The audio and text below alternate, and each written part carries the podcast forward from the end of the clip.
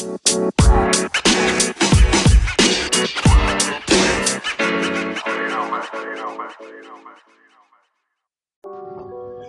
apa kabar? Balik lagi dengan gue, Gary, di acara podcast Gorilla Gemus Speaking, ya. Uh, segmennya motivasi. Kali ini gue akan bahas mengenai tips-tips untuk buat kalian-kalian yang pengen menikah. hmm, biasanya kalau udah umur 22, 23, 20, 22 ke atas deh, after lu orang tahun atau dua tahun bekerja pasti langsung udah memikirkan bagi kapan gue merit? Gitu. Itu bisa jadi salah satu momok ya. Bagi kaum milenial zaman now sih. Kenapa menjadi momok ya mungkin karena uh, itu adalah salah satu lagi bentuk transisi kehidupan kalian. Kemarin kan gue udah bahas mengenai transisi dari tadinya kalian pelajar menjadi pekerja atau pebisnis gitu. Kemarin gue udah bahas di podcast sebelumnya di, motiv di segmen motivasi juga. Dan ini hari ini gue bahas transisi berikutnya. Transisi berikutnya apa sih? Itu menikah. Gitu. kalau buat yang punya kepercayaan dan pengen menikah ya silahkan mendengarkan ini gue ambil dari uh, pengalaman gue pribadi sendiri ya. Maksudnya gue sharing sendiri gue nggak nggak ada sumber-sumber lain nggak ada gue nggak ada baca-baca dari ya, artikel-artikel lain nggak ada gue nggak baca. Uh, pure ini gue buat tipsnya dari pemikiran gue sendiri. Kalau misalnya ada yang mau nambahin kalau misalnya ada yang bilang bang uh, ini kurang kurang mau silahkan kalian komen aja. Oke? Okay? nanti gue tambahin atau ya mungkin juga yang kalian bisa jadi masukan buat para pendengar yang lainnya thanks banget kalau misalnya udah mau nambah-nambahin ya. Oke okay, yang pertama tipsnya kalau misalnya mau menikah itu harus ada pasangannya iyalah iya. Kalau mau menikah itu harus ada pasangannya nah. Bang ya iyalah bang. Menikah harus ada pasangan. Cuman kan solusinya gimana kalau buat gue dapat pasangan ya nah kalau solusinya itu tergantung balik lagi ke kalian sendiri. Soalnya kan gue nggak bisa memplotkan diri gue menjadi seperti kalian gimana gitu kan? Tiap orang punya seleranya masing-masing. Ada yang pengennya yang baik ada yang pengen eh semua pengen yang baik sih. Ada pengen yang cantik yang tinggi pengen keturunan dari ini pengennya ras dari ini pengennya agamanya ini ini ini segala macem. Nggak mau yang orang susah atau segala ya udahlah makanya beda-beda mungkin gue bilang tips yang pertama gue nggak akan bahas gimana caranya kalian dapat pasangan gitu. Ya kalau misalnya tips sedikit sih ya sedikit nih ya sedikit tipsnya carilah pasangan yang menurut kalian menurut kalian dia bisa menerima kekurangan kalian. Nah begitupun sebaliknya. Itu udah keren banget lah kalau udah begitu. Nah mungkin setiap orang itu pasti punya kekurangan bahkan e, kalau misalnya orang-orang yang sudah sukses pun pasti punya kekurangannya. Percaya deh pasti ada deh kekurangan. Mungkin hanya mereka oleh sukses itu biasanya mereka itu kekurangannya itu dikemas secara bagus. Jadi nggak nggak kelihatan dia memiliki kekurangan. Ya kalau udah ada pasangannya lanjut ke tips berikutnya. Siap saling menerima kekurangan dan saling melengkapi. Nah ini ini adalah uh, salah satu faktor yang kadang-kadang anak-anak muda zaman sekarang ini nggak bisa karena kan saling ego. Nah kalau orang udah dewasa pemikiran sudah dewasa udah matang itu adalah salah satu contoh sifat orang sudah dewasa.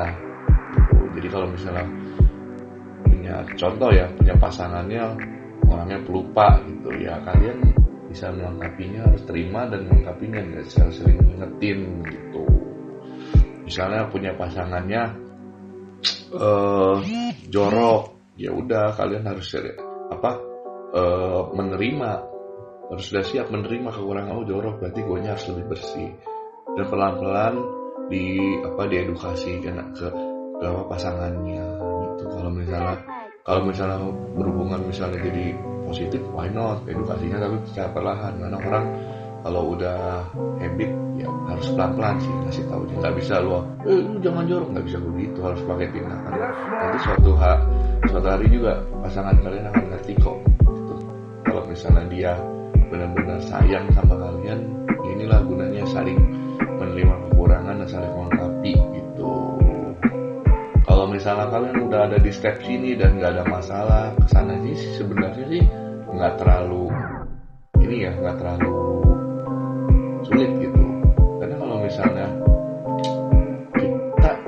satu yang menjadi faktor orang nggak mau menikah itu ya begini dengan pasangannya kadang-kadang belum siap menerima kekurangannya. Gitu. apa yang kita pengen di diri dia tidak sesuai ekspektasi kita dan kita nggak bisa menerimanya itu. Dan itu akan sulit banget untuk melanjutkan ke jenjang berikutnya. Benar. Kalau kalian di sini aja udah stuck gitu. Kalau kalian di sini aja udah nggak bisa. Nggak bisa aja nih yang poin dua ya gue saranin sih jangan dilanjut. Kenapa bang lu ngajarinnya lu. Kan itu bisa bisa saling bisa saling nanti proses bang dalam hal bisa memang sekali proses kayak begitu. Cuman ya dari diri kitanya dulu kalau misalnya kita udah menerima pelan-pelan ya bisa ada sedikit menerima pelan-pelan ya apa-apa gitu. Walaupun masih ada kesal-kesalnya juga nggak masalah gitu. Cuman at least kita punya uh, keinginan untuk uh, menerima kekurangan dan saling melengkapi. Itu aja. Oke lanjut. Ke poin ketiga. Nah setelah udah tips kedua yang tadi yang tips ketiganya itu nah kadang-kadang nih setelah sudah melakukan itu kebanyakan milenial sekarang itu adalah takut. Nah, takut di sini uh, apa sih? Macam-macam saran gue sih nggak perlu takut. Yang ketiga nih poinnya nggak perlu takut untuk menikah milenial sekarang zaman sekarang takut. Ekonominya kurang. Takut nggak punya rumah takut tidak bisa membiayai takut tidak sukses. Takut dibohongi takut tidak sejalan nantinya. Nah itu kebanyakan takutnya semua itu yang lu takutin itu belum terjadi. Kenapa lu harus uh, apa sih memastikan bahwa ketakutan itu pasti terjadi? Nah kalau lu aja sudah bisa memastikan itu terjadi berarti lu udah kalah sama rasa ketakutan lu itu aja nanti lu orangnya pesimis. Kalau orang optimis itu tidak pernah takut. Tapi uh, kita pakai logik juga gitu. Sekarang bang kan harga rumah kan mahal-mahal. Gimana caranya gua apa punya rumah? Nanti anak-anak gua istri gua tinggal di mana kalau gua punya rumah ini pengalaman pribadi gua. Gua aja pertama kali nikah itu gua nggak terlalu mikirin gua mau punya rumah di mana. Asli. Asli bener yang gue satu pikiran gue itu pas lagi mau menikah itu adalah gue harus tinggal berdua sama istri gue tidak satu rumah dengan uh, orang tua gue atau dengan mertua gue kenapa? Karena belum tentu gue cocok mertuanya. Mertuanya istri gue mertua gue dan belum tentu juga istri gue juga cocok dengan ortu gue itu jadi bukan berarti menghindar atau menjauh enggak enggak menghindar menjauh gitu. Cuman gue lebih pengen mandiri aja sih beneran. Karena rumah tangga itu di dimulai dengan dua kepala gitu. Gue dengan istri gue gitu. Kalau kalian yang mungkin dengan pasangan kalian masing-masing. Pemikiran gue begitu. Gue lebih baik kontrak dibanding uh, harus tinggal bersama orang tua. Kalau pemikiran gue gitu. Nah itu balik lagi ke poin yang kedua ya. Maksudnya siap menerima kekurangan siap melengkapi. Nah maksudnya itu yang balik lagi kedua. Semua riwayatnya masa lalunya pasangan kalian kalian harus siap terima. Entah itu dari keluarga dari teman-temannya segala macam. Kalian harus ngerti itu semua. Dan kalian nggak bisa maksain siapa? Keluarganya nggak boleh begitu kalian nggak bisa maksain. Yang bisa kalian lakukan adalah mengikuti alurnya. Do the best. Nah kalau gue selalu berprinsip begini eh ini adalah salah satu prinsip hidup gue yang mungkin mudah-mudahan bisa di kalau menurut gue sih bagus sih. Kalau misalnya nggak tahu ya kalau buat kalian ya kalau bisa kepake ya syukur gitu. Prinsip gue begini sebelum gue melakukan sesuatu kepada orang lain gue akan memposisikan gue menjadi orang tersebut kalau gue marahin seseorang gitu gimana rasanya kalau gue jadi dia? Nah, itu akan kembali lagi kita untuk berpikir. Akan kembali lagi kita untuk uh, bekerja otaknya secara logis gitu. Nah oke okay, balik lagi ke poin ketiga tidak perlu takut. Pokoknya lu kalau misalnya udah yakin udah siap semuanya maju aja bro karena e, menikah itu adalah ya sama agama juga di ini kan ya diharuskan ya menikah ya itu bukan diharuskan ya harus diharuskan menikah. Dan kalau menurut pengalaman gue nggak ada sejarahnya orang menikah itu kan rezekinya malah berkurang. Jarang sih tergantung sih. Tergantung kita uh, gue bukan bukannya bukannya takabur atau gimana enggak cuman rata-rata yang teman-teman gue yang yang gue kenal pun gue alami malah perekonomiannya membaik gitu setelah menikah gitu. Jadi buat kalian yang mau menikah lanjutkan. Dan berikutnya tips yang keempat tips yang terakhir ialah kalau misalnya udah nggak takut dan segala macam kalian harus siap berkomitmen. Nah di sini kadang-kadang orang uh, kata ya lu komit semua apa yang lu dengan dua kepala dijadikan satu untuk menyatukan jadi ada satu komitmen. Nah itu dia. Yang berkomitmen ini bukan kalian bukan bukan lu doang ya karena kalian berarti lu dengan pasangannya pasangan kalian gitu.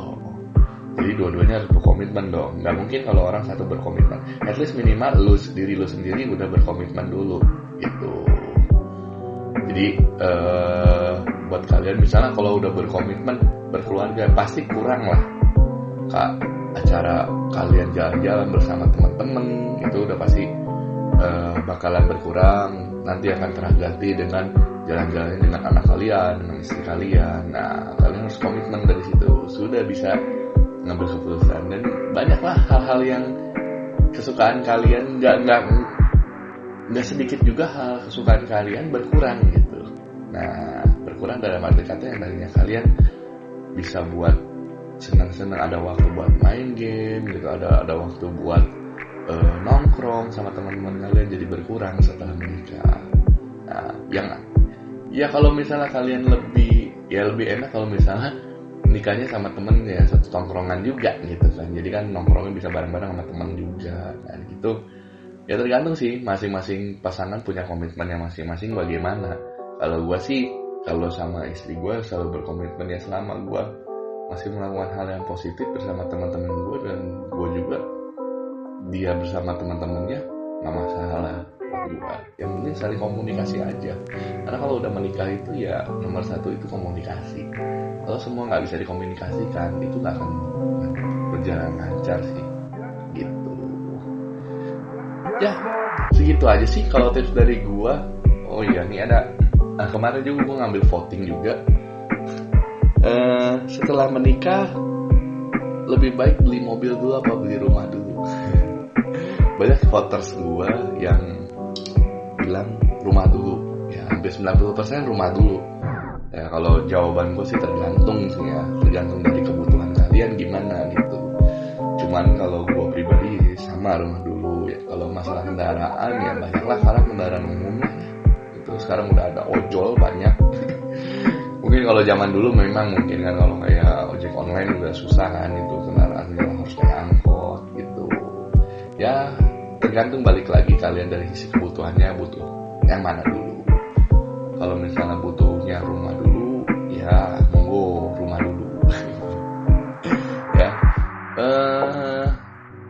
itu aja kalau misalnya bisa gue sampaikan. Kalau misalnya ada pertanyaan kalian bisa langsung komen di IG gue at Gembul atau di email gue gerere 300688 at gmail.com kalian bisa mengajukan pertanyaan atau sharing pengalaman kalian yang mungkin gue akan bagikan juga. Kalau misalnya bagus pengalamannya why not gue bagikan juga di podcast gue ini.